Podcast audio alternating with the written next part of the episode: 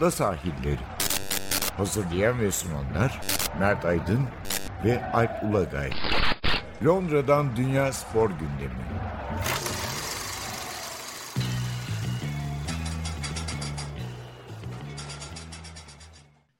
Ada sahillerinden merhabalar. Ben Alp Ulagay. Ben Mert Aydın. Bugün Premier Lig'de sezonu kapatıyoruz. Sezon bitti. Biz de kendi değerlendirmemizi yapacağız. Biraz en iyileri, en kötüleri, en şaşırtanları, en sürprizleri konuşacağız. Böyle bir hafta olsun madem ki sezon bitti. Neyle başlayalım önce? Sezonun futbolcusu, teknik direktörü değil mi? Onlarla başlanır genelde. İlk şeyler başlayalım değil mi? Sonra kötüleri falan sona bakalım. en beklenmeyeni verenleri de belki hayal kırıklıklarında bu arada konuşuruz. Önce en iyi oyuncuyla başlayalım. En iyi oyuncu ödülünü İngiltere'de de çeşitli kurumlar veriyor. Futbol Yazarları Derneği Ruben Dias'ı bir Samu oyuncusunu seçtiler. Yani bu sezonun bütününe bakınca da tabii inişli çıkışlı daha kısa işte Ekim baş Ekim başında başlayıp Mayıs sonunda biten nihayetlenen bir Premier Lig sezonu vardı. Kolay değildi kimse için. Aha. E, hani herhalde bütün takımların bir iniş çıkışı oldu bu sezon. Yani sezon boyunca tamamen istikrarlı oynayan bir takım söyleyemeyebiliriz. Buna şampiyon Manchester City dahil. Ama herhalde evet. özellikle ya ben de öyle görüyorum. Benim ben de Ruben Ruben Diaz şeyine katılıyorum. Herhalde ben de onu söylerdim. Yani takımın genel gidişatına etkisi, ilk sezonu olmasına rağmen sağ içindeki liderliği ve okuduğumuz kadarıyla sağ dışında da genç yaşına rağmen yaptığı liderlikle Ruben Diaz City'nin ve Premier Lig'in bu sezonuna damga vuran oyuncu oldu. City'de çünkü puan tablosuna bakınca da görürsünüz. O önceki iki şampiyonluktaki gibi böyle 100 goller, 95 goller değil. 83 gollü bir şampiyonluk.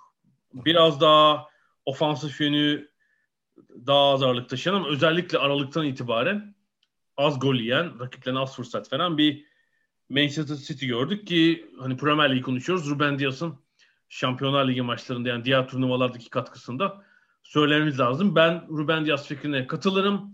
City'deki diğer oyunculardan herhalde ilk ay tabii çok sıra dışı bir sezon geçirdi.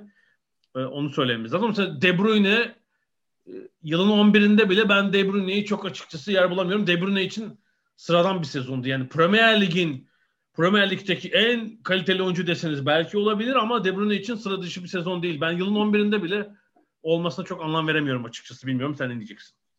Evet yani e, şöyle var söyleyebiliriz. Evet Ruben Diaz e, o anlamda senin de söylediğin anlamda önüne çıkıyor. E, onu söyleyebiliriz ama yani ben hep şunu e, belirtiyorum hani sen, sen de katılacaksın. E, Pep Guardiola kadrosunu o kadar enteresan bir şekilde kullanıyor ki. Yani şimdi şeyin ne derler Jurgen Klopp'un Liverpool'un biz ideal 11'ini 3 aşağı 5 yukarı sayabiliyoruz. Ama e, şeyin ne derler Pep Guardiola'nın ideal 11'ini 3 aşağı 5 yukarı sayamıyoruz. Belki 4-5 oyuncuyu sayarız ama geri kalan devamlı değişiyor zaten. Yani e, Mahrez'i de oynatsan, Sterling'i de oynatsan çok fazla bir şey fark etmiyor sahada sonuç olarak. E, bu nedenle belki hani Ruben Diaz e, hani yeri nasıl diyelim hani başkasını koysan o sonucu alamayabileceğin oyunculardan bir tanesi belki başında geliyor. E, o anlamda Ruben Diaz konusunda katılıyorum. Guardian'da yanlış hatırlamıyorsam e, Guardian yazarlarına kendi yılın futbolcusu e, adayları sorulmuş. Onlardan dört tane çıkmış. Yani Ruben Diaz var. Ee, Kane, bir tane Kane, Kane var galiba. Ha, bir de pardon beş kişi var. Pardon, bir de e, yani City'den dört tane diyelim. Hı hı hı. City'den dört tane çıkmış. Ee, bir tanesi şey Ruben Diaz, bir tanesi e, Phil Foden, e, bir tanesi İlkay Gündoğan, bir tanesi de e, senin muhalefetine rağmen Kevin De Bruyne. Bu şekilde onlar yorumlarını yapmışlar. E, ama hani ben yeri doldurulamayan ya da e, takımın rotasyon yapması durumunda o oynamadığında eksikliği hissedilen adam olarak Ruben Dias'ı seninle aynı fikirde olarak e, söylerdim herhalde bana sorulsa. Bir de onu yani sadece böyle belli birkaç maçta dinlendirdi.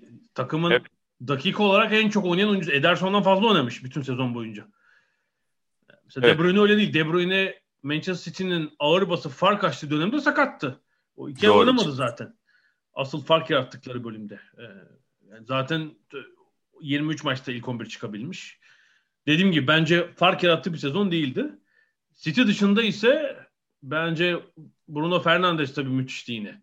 İstikrarı ve Manchester United'ın ikinciliğinde büyük pay olduğunu söylemek lazım. Doğru. Belki Diaz olmasa Fernandes düşünebilirdim ben City dışında bir oyuncu olarak. Tabii Harry Kane'i de eklemek lazım. Takımı Hı. büyük ayak kırıklığı yaşadı ama Harry Kane hem gol kralı hem asist kralı oldu. Yani çok Doğru. sık rastlandık bir durum değil. Premier Lig döneminde galiba bir kez olmuş.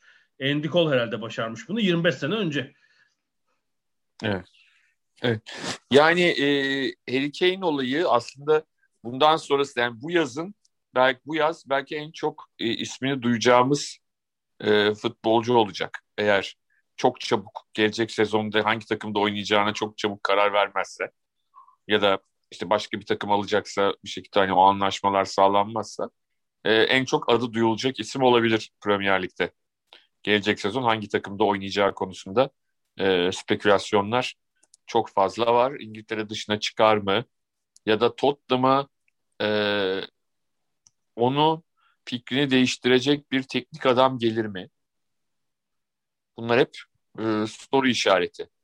Yani Harry Kane'in kalması için gerçekten onu e, Tottenham'ın yeniden bir şeyler alabilece alabilme adayı olabileceğine ikna edecek bir bence teknik adam gerekir. Yani böyle başkanla falan olabilecek bir şey değil bence. Öyle bir teknik adamın gelmesi lazım Tottenham'ın başına ki onu da ikna edebilsin. E, orta seviyede bir teknik adamla ya da işte ne bileyim genç, e, yeni or, e, gelişme sağlayacak bir teknik adamla falan Harry Kane'i ikna etmeleri bence pek mümkün görünmüyor. Belki de hani Harry Kane'le e, karşı karşıya gelip konuşmadık. Belki de Harry Kane kim gelirse gelsin ayrılmak istiyordu olabilir. Yani onu da e, göreceğiz ama yani Harry Kane'in gitmesi durumunda Tottenham'ın e, gerçekten çok büyük güç kaybedeceğini düşünüyorum. E, hem Harry Kane'in müthiş futbol a, görüşü ve katkısı hem de gerçekten hani takımına hakim bir kaptan. E, herkesin saygı duyduğu, rakiplerin de saygı duyduğu, kendi takım arkadaşlarının da saygı duyduğu e, bir kaptanı kaybetmiş olacak Tottenham.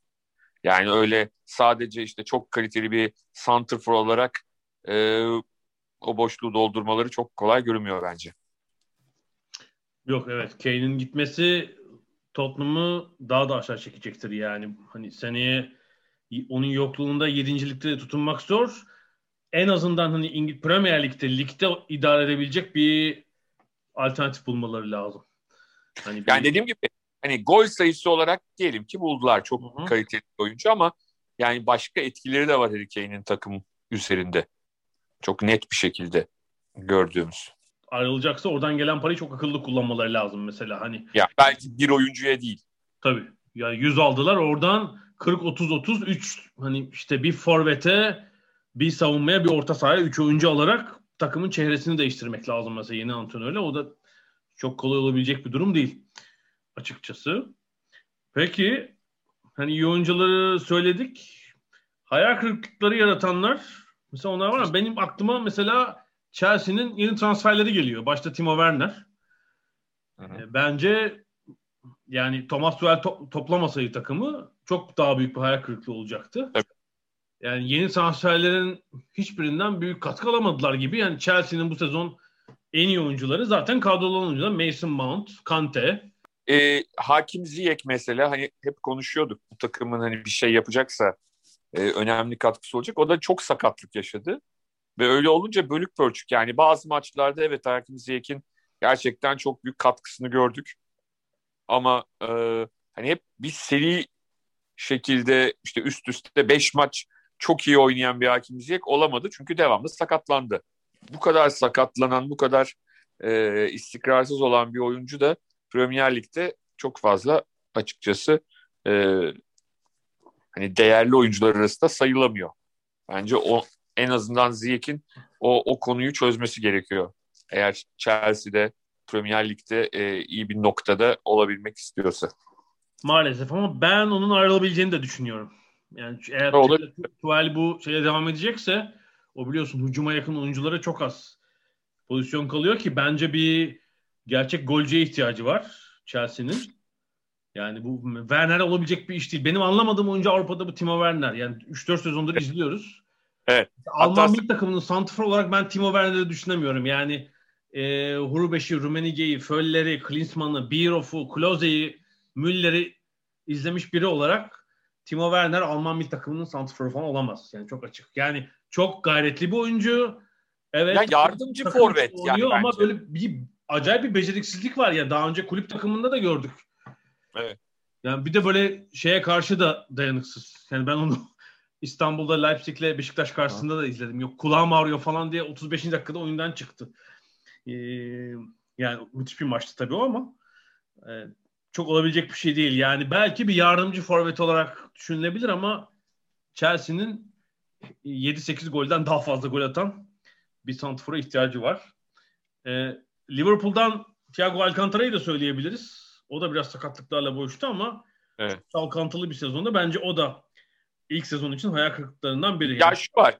Aslında Liverpool e, full kadro diyelim. Yani hani tek tek iyi oynayan oyuncular oldu ama hani genel anlamda Liverpool için çok parlak bir sezon olmadı. Son birkaç hafta hariç belki. Yani son birkaç haftayı ve de böyle bir e, e, e, Kasım Aralık arası şey e, Ocak arası bir dönemde çok iyiydiler. Yani o iki dönem haricinde zaten takım halinde e, oynadıkları per, e, gösterdikleri performans anlamında e, bir hayal kırıklığı yaşadılar zaten. Ya şöyle desem katılır mısın? Liverpool ligdeki diğer takımlarla kıyaslayarak söylüyorum. E, ligin ilk 14 ve son 10 haftasını Manchester City gibi oynadı. Ortadaki 14 haftayı Sheffield United gibi. Doğru, o yüzden, doğru. O yüzden bu durumda zaten dediğim gibi baştaki 14 ve sondaki 10 10 haftada topladıkları puana baktım. Sezon boyunca ortalamayı tuttu 87 puan ediyor. Zaten City ile kafa kafaya gelirler. Ama o işte Ocak'la Aralık sonuyla Mart arasındaki 14 haftada ise o puan ortalaması da onları açık ara küme düşürürdü. O kadar berbatlardı yani o dönemde. Ya yani şimdi şöyle bir şey var. Çok mesela Trent Alexander-Arnold çok kötü bir sezon geçirdi. Van Dijk zaten sakatlanıp çaresiz bıraktı takımı diyelim. Ee, kaleci Alisson'un ne zaman ne oynadığı belli olmadı. Yani hatırlarsan yani hem Van Dijk'in hem Alisson'un gelişi e, Liverpool'u şampiyonluk Liverpool'a şampiyonluğu getirdi der, dedi herkes. E, biri bu sene sakattı. E, diğeri de açıkça söylemek gerekirse Karyus'u anımsatan hatalar yapıp acayip acayip hatalar yapıp takımı zor duruma bıraktı. Yani son haftalarda attığı golle belki biraz olsun e, kendini affettirmiş olabilir ama bunların hepsi Liverpool'u e, sıkıntıya soktu sezon boyunca. E, yani e, Mart'ın herhalde kaçıydı? 17-18'i. Ben Türkiye'yle işte bir radyo programıyla bağlantı yapmıştım. Sordular Liverpool dedim şampiyon o zaman baya kötü durumdalar işte. Dedim tekrar bir şey yapabilirler, aşama yapabilirler. Hakikaten çok umutsuz gözüküyormuş o zaman durumları. Son haftalarda biraz da rakiplerin katkısıyla tabii işte Leicester'ın çuvallaması falan. Evet. Üçüncülüğe çıktılar ama yani üçüncülüğü hak etmeyen bir oyunu vardı Liverpool'un sezonun genelinde. Herhalde Van Dijk'in sakatlığını da sadece Liverpool için değil bütün Premier Lig için sezonun en kritik anlarından belki tabii, en önemli sakatlı olarak söylememiz lazım. Tabii bütün sezonu değiştirdi o sakatlık. Tartışılacak gibi değil yani. Sadece Liverpool'un sonraki başlarına gelenlerle çuvallamasına yol açmadı. Bence işte bazı rakiplere de yaradı. Elbette City rahatlattı orada. Ocak sonuna itibaren yalnız kaldılar. Liverpool'un o puan dağıttığı dönemde bir sürü takım bundan faydalandı. Böyle bir zincirleme etkisi oldu açıkçası bunun.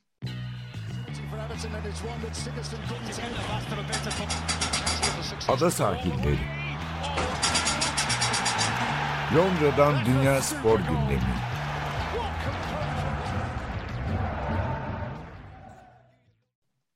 Evet bu arada e, herhalde başarılılardan bahsedersek, geri dönersek e, bir futbol dahisinden bahsetmemiz gerekiyor herhalde değil mi? Antrenörlere geldik zannedersem. Evet. Evet evet.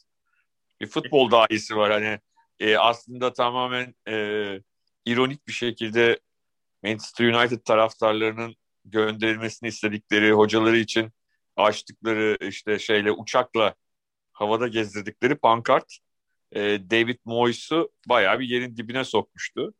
E, aslında e, bu sezon belki David Moyes yıllar önce o Everton'daki başarılarından sonra işte bir ara İspanya'ya da gitti falan filan ama o Manchester United'daki yaşadıkları yüzünden e, açıkçası David Moyes'un bütün o geçmişte yaptıkları bir anda silindi.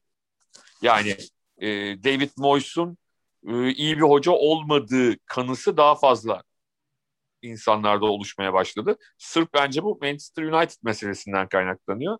Ama bu sezon e, hani taraftarlarının bile ya bu sene ligde kalsak iyi dediği e, West Ham'ı Avrupa kupalarına götürüyor herhalde değil mi David Moyes? Yani çok çok e, hani tamam Pep Guardiola kazandı e, yılın menajeri ödülünü ama hani ben oyum olsa ben David Moyes'e verirdim. Ya ben de sana katılıyorum. Ben de Moyes'e veririm. Çünkü zaten City ve Liverpool'dan diğer takımları çeşitli kategorilere ayırabiliriz ama mesela bu sezon başı yani hangi iki takım şampiyonluktan başka şey onları memnun etmez dersek City ve Liverpool'du. Zaten Doğru. onların e, beklentisi en az 85 puan. Ki geçen senelerde biliyorsun işte 97, 98, 100 puanlar falan yaptılar. O yüzden evet.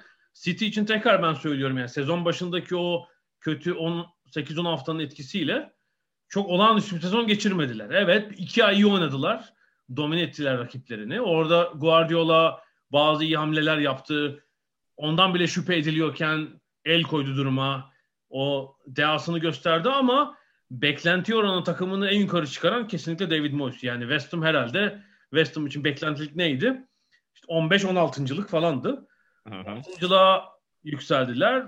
İşte yani son haftalarda o berabere kaldıkları falan bir, belki bir maç olmasa dördüncülük falan olacaktı. Şampiyonlar Ligi'ne gideceklerdi. Ve işte kadroya bakıyorum.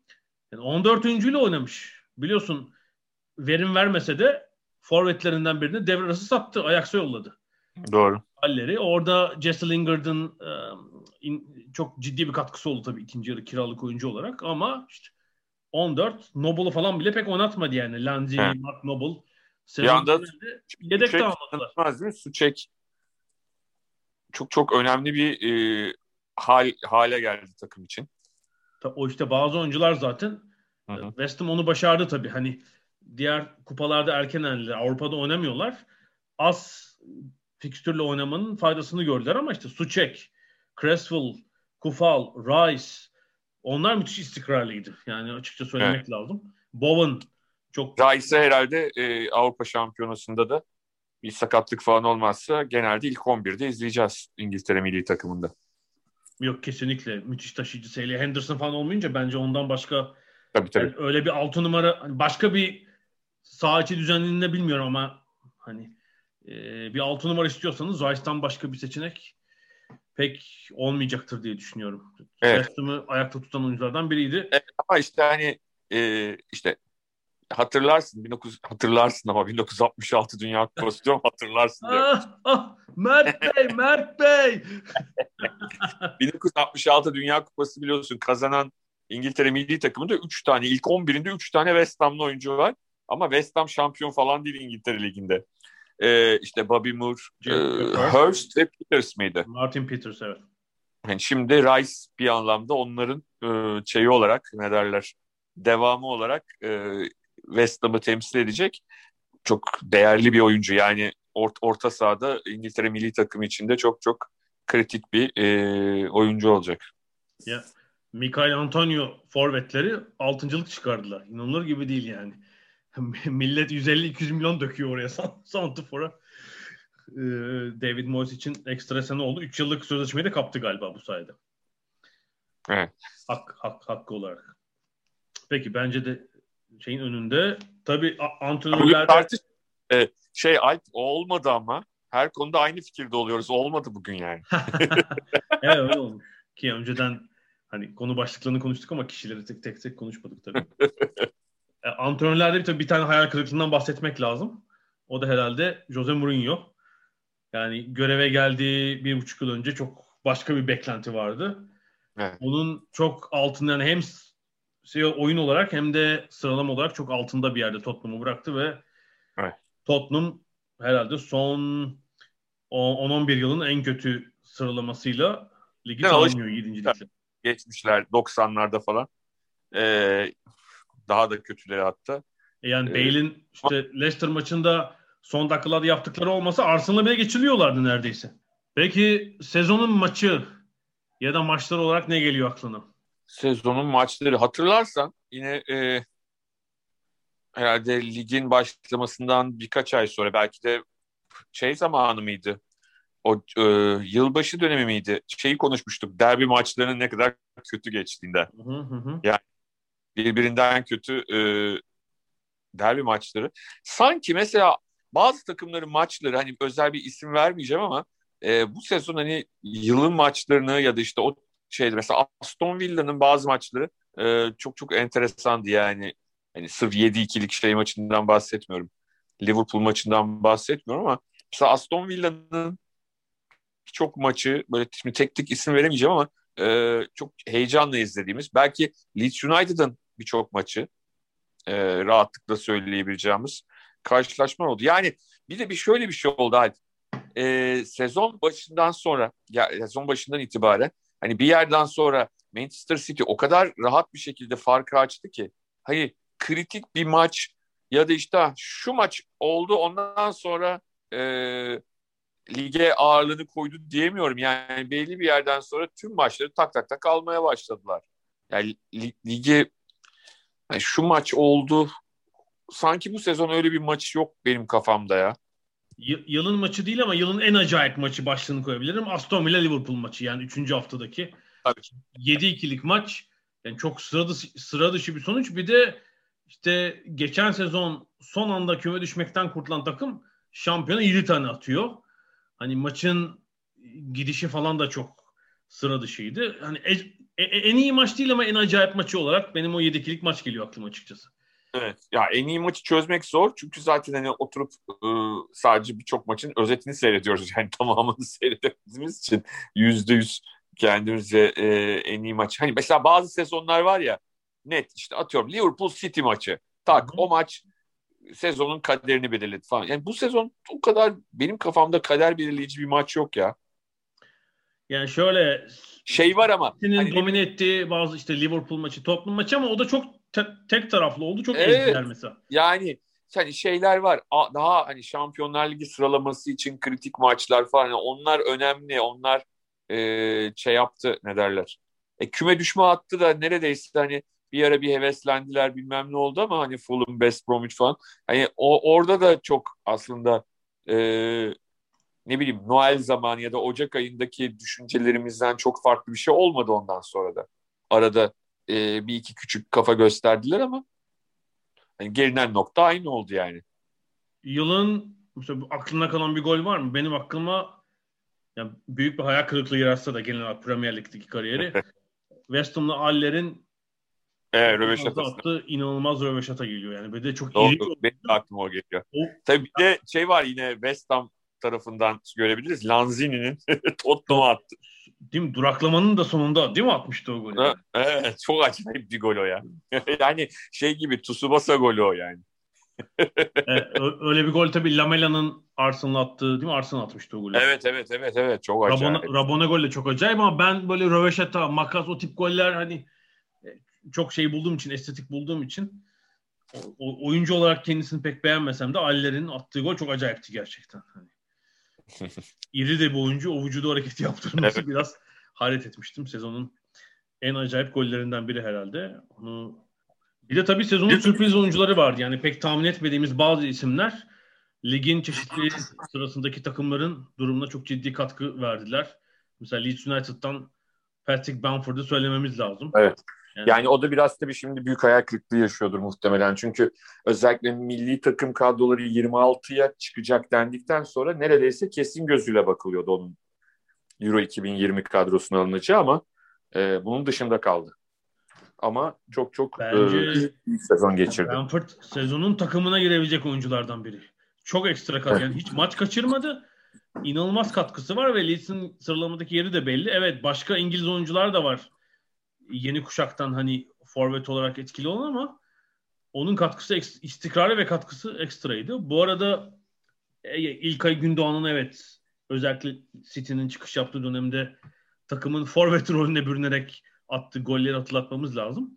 Bir de özellikle ara transfer döneminde takım değiştirip kiralık olarak gittikleri takımlarda çok ciddi katkı yapanlar var. Jesse Lingard e, West evet. Ham'da bence çok sürpriz bir katkı yaptı. Yani Manchester United'da neredeyse silinmişti yani adı. Kendini milli takım kadrosuna aldıracak kadar bir sıçrama yaptı. Doğru, doğru. Ee, son haftalarda Le- Leicester City'de ikinci forvet olarak hafta hatta son 3 ayda. Iheanacho. Kelechi Iheanacho. O da hani bu şeyin bu seviyenin adamı değil, oyuncusu değil denirken birden e, müthiş katkı yaptı. Bence kupa... e şey de öyle. Mesela hani bütün sezon hayal kırıklığı oldu ama yedek durdu ama son haftalarda Cavani de mesela üst üste. Evet tabii Cavani'nin evet. adı çok büyük ama işte ceza meza da aldı arada biliyorsun. evet, evet. Paylaşımından. Ama United ondan çok memnun bence. Zaten işte yeni sözleşme verdiler ona da.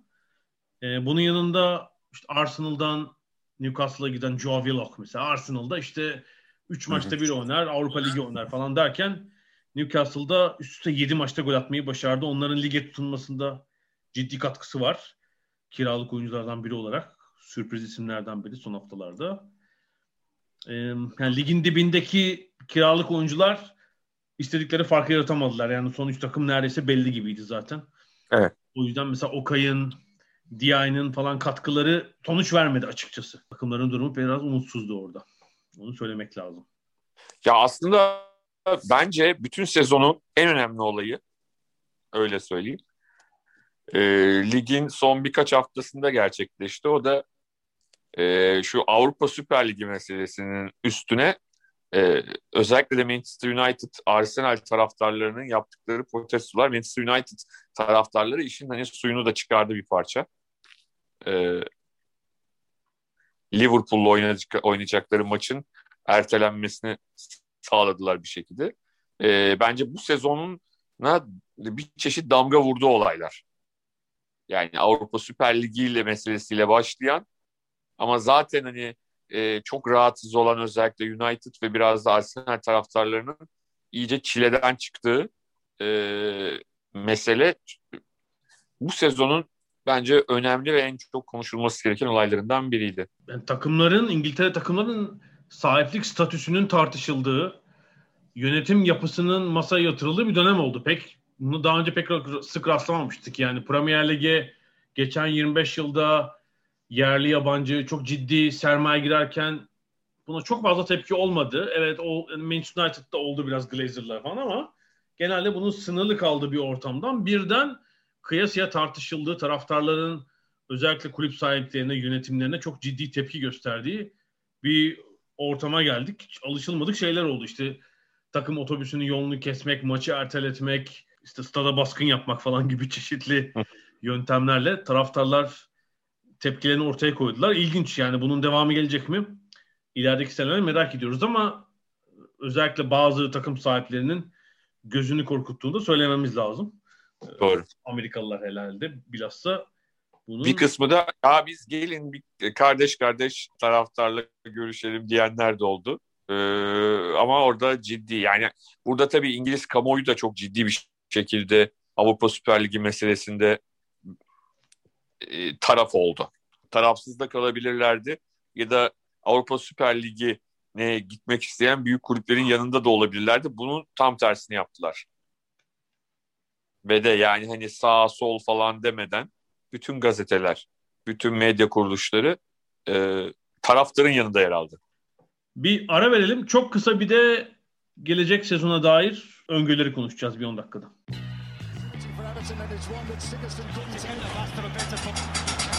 Ada sahilleri. Londra'dan Dünya Spor Gündemi.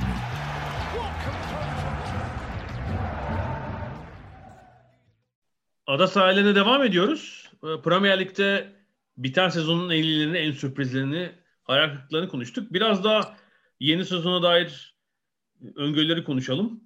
Herhalde bu sezonun bilançosuna bakarsak aslında yeni sezona dair bazı fikirler veriyor.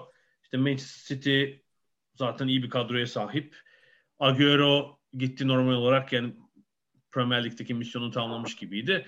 Bir santifor arıyorlar herhalde. Bu hani bu takıma Kane gibi bir oyuncu gelirse e, çok daha güçleneceklerini söyleyebiliriz. Onun dışında çok ciddi bir ekleme yapmaları herhalde gerekmeyecek. Onların en büyük rakibi kim olacak? Bence Liverpool özellikle sezonun ortasındaki bölümde çok alışılmadık bir şey geçirdi, dönem geçirdi. Evet. Onlar bence City'ye yakın olacaklardır yine. Yani Liverpool Yani mesela e, hatırlarsan çok da konuştuk. E, Jota çok önemli bir katkı sağlayabilirdi Liverpool ama çok o da sakatlandı.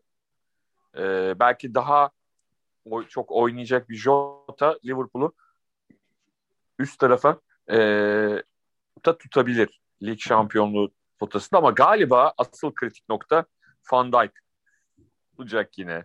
Yani Liverpool tarafında. Van Dijk'ı sağlıklı tutabilmek e, Liverpool için en, en önemli şey. Yani şimdi Konate'yi de aldılar. Defansı Yani- kuvvetlendirmek için. yani, Ama her şey Van Dijk'ta yani. tabii Van Dijk, Gomez ve Matip'in hangi sağlık durumlarıyla yeni sezona dönecekleri çok önemli. Konate ile birlikte bu sefer hani 4 bir de Nat Phillips de ekstra sürpriz oldu son haftalarda. Evet. Yani 5 belki 6 stoperli bir Liverpool olacak. Burada tabii Ozan Kabak için bir hayal kırıklığı oldu. Yani onu opsiyonu kullanmıyorlar ve o Schalke'ye geri dönecek bilmiyorum. Premier Lig'de başka bir takım onu düşünür mü? O da olacak. Benim Liverpool'la ilgili bir küçük tahminim var. F- ya forvetteki üçlüyü bir sarsmaları lazım. Orada bir değişiklik lazım. Yani o o üçlü Salah, Firmino, Mane ikilisi bence o üç, üçlü haliyle misyonu tamamladı. Yani orada bir değişiklik lazım. İşte Ben- Jota oraya e, fiştekleyecek adamdı sanki ama Ben onun üzerinde bir şey düşünüyorum. Ben böyle Mbappe gibi bir hamle olabileceğini düşünüyorum. Yani Salah'ın yerine bir Mbappe hamlesi olabilir. Ee, diyeceksin bu ortamda olabilirmiş. Şöyle Mbappe'nin Saint Germain'le bir yıllık mukavelesi kaldı ve kozlar onun elinde açıkçası. Yani şunu diyebilir. imzalamıyorum ben. Çünkü Saint Germain sözleşmesi azalan oyuncularla, süresi azalan oyuncularla yeniledi. işte Draxler, Neymar falan. Bir Mbappe imzalamadı. ama işte orada belki e, Liverpool için şu sıkıntı olabilir Liverpool tarzı takımlar için.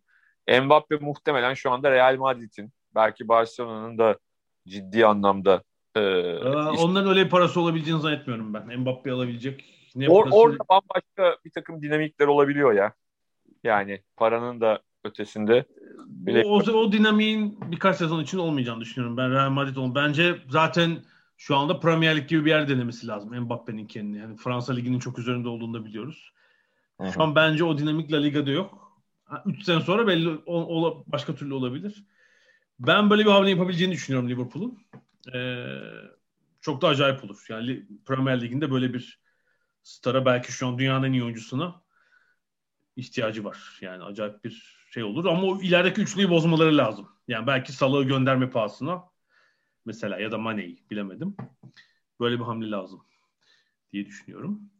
E, Manchester United ise geçen sezonun üzerine 8 puan daha koydu. 74 puana çıktılar. Ama şampiyonluk için bir 10 puan daha lazım. Evet. O farkı ne yaratır? Elbette bir golcü yani Cavani ile bütün bir sezon geçmez tabii. O bir alternatif olabilir ama bence bir santrfor mutlaka lazım. Kane olursa elbette. Ben hep- Kane olursa şu avantajı var. Hı hı. Ee, bir tırnak içinde espri için söylüyorum bu bölümünü ligi biliyor. İkincisi yani e, asıl önemlisi sonuçta oradaki e, şeyin Manchester United'ın ön bölgesinde oynayan Rashford, Greenwood yani bunlarla da çok kolay anlaşabilecek Fernandes'le e, Fernandes'in bile işini zaman zaman kolaylaştırabilecek e, bir oyuncu. Yani e, hani son vardı. Burada da Rashford, Greenwood aralara kaçıp e, onun o kendine has ara paslarından da yararlanabilecek oyuncular da var. İşte o bazen bir önemli parçanız eksiktir şampiyonluk için. İşte belli bir seviyeye getirdi Solskjaer Manchester United'ı Avrupa Ligi finali, lig ikinciliği derken bir şey daha lazım, eklemek lazım. İşte belki savunmaya Maguire'in yanında birisi ve bir santifor, bir golcü. Bir hep şeye de aklım gidiyor yani Kane olmazsa diye. bence Bundesliga'daki misyonu tamamlayan Lewandowski de evet yaşı 33 olacak ama iki sezon falan Leva oynar yani. Böyle bir şey düşünülebilir. United için. Ben aklıma geliyor. Hani herhangi başka Premier Lig'deki herhangi bir takım için de olabilir. Onun için de bir yeni challenge olur aslında. Yani Bundesliga'da ne yapacaksın artık? Yani Lewandowski'nin uygun olmayacağı bir takım bilmiyorum. Yok şöyle her takım uyar da Ken, yani o Bayern Münih'e şey oldu tabii eklemlendi o. Takım çok başarılı falan tabii. Yani bir yeni bir şey ister insan evet. kariyerinin artık sonunda yani son büyük transfer bile değil zaten. Hani 33 yaşındasın. Bir şey olması lazım. Başka bilmiyorum bu üçlüyü zorlayacak takım çıkarmayan Chelsea'de bir potansiyel var tabii. Ee, orada Tuhel'in bazı belki sağ içi hamlelerine bağlı işte, işte bir de golcü eksikliği orada da var. Yani en çok gol atan oyuncunuz Jorginho ise bir sıkıntı var demektir. ee, orada bir sıkıntı var. Tottenham'la Arsenal ilginç. Sanki yönleri ters işliyor gibi. Yani Tottenham bence umut vermiyor. Ee, hele Kane giderse yani kadronun tamamında sıkıntı var bence orada. Evet. Böyle bir iki değişiklikle olabilecek bir şey değil yani. Hani yeni gelen antrenörün baya harman harmanlaması lazım oraya. Arsenal ise evet biraz tecrübesiz ama oynayamayan o bütün verimsiz yaşı gelmiş oyunculardan sırayla kurtuldular. Yani Mustafi, Sokratis, Mesut Özil, David Luiz de gidiyor. Böyle ya onların yerine bir yanı aldılar ama geçen sene. Arsenal ile ilgili tehlike şu Alp. Hı. Ee, hani Wenger'in son döneminde de olmuş yani çok genç ve çok iyi bir kadro işte çok bir tecrübe eksik falan deniyor. Ee, yani uzun yıllar sadece o deniyor yani hani saha içinde e, daha ötesini göremiyorsun e, istikrarlı bir şekilde. Bazı maçların böyle 10-15 dakikalık bölümlerinde gerçekten umut vaat ediyor. Ya diyorsun bak bu takım böyle de oynayabiliyormuş falan ama işte o böyle serap olarak kalıyor yani. Tabii zaten 8.lik böyle bir kulübü tatmin edecek netice değil. Yani gelecek sezon işte biraz yukarı 5, 4, 5, 5.lik, 6.lık oralarda olması lazım sezon boyunca ki Arsenal'ın bir Arteta'nın bir şey yaptığını anlayalım. Yoksa hani 13. E, 14. devam edip son iki ayda işte o 8.lik zorlanacaksa pek Arsenal taraftarını bence tatmin etmez öyle gibi geliyor. Yani bu sezon işte Leicester'la West Ham e, büyüklerin arasına girdiler. Evet Leicester iki sezondur orada. West Ham da girdi. ki. evet yani mesela... Leicester'ınki sürpriz olmadı ama West Ham bir sürpriz yaptı. Ama e, Arsenal ve Tottenham o kadar e, kırılgan ve o kadar e, kötüydü ki hani West Ham bunu yaparken e, yani göstere göstere yaptı ya da öyle söyleyelim. Hani West Ham'dan daha çok bunu yapabilecek takımlar da vardı. Belki onlar biraz iyi olsa mesela Wolverhampton falan. E, daha da geriye düşebilirlerdi yani. Daha orta, orta alt sıralara bakınca bence Leeds seneye daha iyi olacaktır zaten. Aston Villa'da eğer oyuncu kaybetmezlerse iyi bir çekirdek var. Ee, mesela Wolverhampton için çok çok zor bir sene olacak. Yani bir kadro evet. takviye olmazsa çok ciddi düşme adayı olacaklar diye düşünüyorum ben. Dört yıllık antrenörleri de bence o da misyonunu tamamlamıştı ayrıldı. Gol atamıyorlar bir kere Wolverhampton. Ve işte Raul'ün falan yeri de dolmadı. Çok sıkıntılı olacak gelecek sene onlar için. Öyle düşünüyorum. Bence alttaki birkaç takım işte Brighton, Southampton onlardan daha iyiydi zaten. Ee, orada bir sıkıntı var. Ee, yani oradan kim aşağı Crystal Palace'ı bilemiyorum tabii. Hani yeni orada bir takım iyi oyuncular evet. var. Yeni gelecek antrenör kim olacak ve nasıl bir oyun tarzı benimseyecek onu da bilemiyorum. Bir, ilk onun için hamle yaparlar mı? Göreceğiz. Yeni gelenlerin de ikisi belli değil mi şimdilik? Yani daha doğrusu düşen düşenden ikisi geri geldi evet. buradan Norwich ile Watford. Evet geldi. Ee, artık bizim semtin takımı, ilçenin takımı Brentford'u bekliyoruz bu sene. evet, Fulham düşmüşken Londra Londra'nın takımı eksilmemesi lazım. Londra evet takımı. bir de Brentford hani Fulham bize yakın da biliyorsun ama Brentford daha da yakın. Ya yeni stat yaptılar, yeni stat açtılar. Maç yani şey yapamadı, seyircili maç oynayamadı adamlar. Yazıktır. Evet. Brentford'a evet, geçen yıl da finalde kaybettiler Fulham'a. Ki yani benim konuştuğum Fulham'lılar bile kazanmayı beklemiyordu o maçı öyle söyleyeyim. Ama Fulham kazandı. Ee, bu kez bakalım çıkabilecekler mi? Evet ilginç. Yani yeni gelenlerin zorlandığı bir şey oluyor. Ee, biraz 90'larda evet. sanıyorum böyle olmuş. 95-2000 arasında. Ee, Premier Lig'e çıkan takımlar zorlanıyorlar. Ya birinci, ikinci sene düşen takım çok. Yani evet ama Norwich ile Watford gitti geldi hemen. Yani hani çok evet, şey yapmadılar. güçlü kalıyorlar bu sefer. Fulham için yine aynı şey evet. olacak mesela. Fulham çünkü işte stadında yeniliyor. Çok hevesli bir Amerikalı sahibi var falan yani hani para harcamaktan çekinmez. Yine Championship'e güçlü kalacaklar. Şampiyon olacaklar falan. Çok asansör takım oldular. Burada da tutunamıyorlar. İlginç. İlginç. Yani seneye City Liverpool bence şampiyonluk adayı United transfere bağlı olarak onları zorlayacak üçüncü takım olacak. Öyle gözüküyor. Ee, şeyde ise yani onun altında çok büyük çekişme olabilir yine o dördüncülük için, 5-6 için bir sürü takımı görebiliriz açıkçası. Yani Leicester bu sene e, FA Cup'ı kazandı. Çok önemli bir iş yaptı ama yine Şampiyonlar Ligi'ne kıl payı kaybetti. E, gitmeyi. E, hani bunlar üst üste olunca da birazcık zaman zaman sıkıntılar yaşanabiliyor. Psikolojik olarak, mental olarak. E, bakalım ne kadar etkileyecek onları geçen gelecek sezon. Premier Lig dostlarımızı da böylece tamamladık. Sanıyorum ada sahillerinden şimdilik bu kadar. Gelecek hafta biraz Avrupa finallerini konuşacağız. Özellikle Şampiyonlar Ligi finalini Cumartesi akşam oynanacak. Manchester City, Chelsea İngiliz finalini konuşacağız. Bakalım Pep Guardiola 10 yıl sonra bir kez de Avrupa'nın zirvesine çıkacak mı ya da Thomas Tuchel'in Chelsea'si hedefe ulaşacak mı göreceğiz. Gelecek haftaya kadar görüşmek üzere diyorum. Hoşçakalın.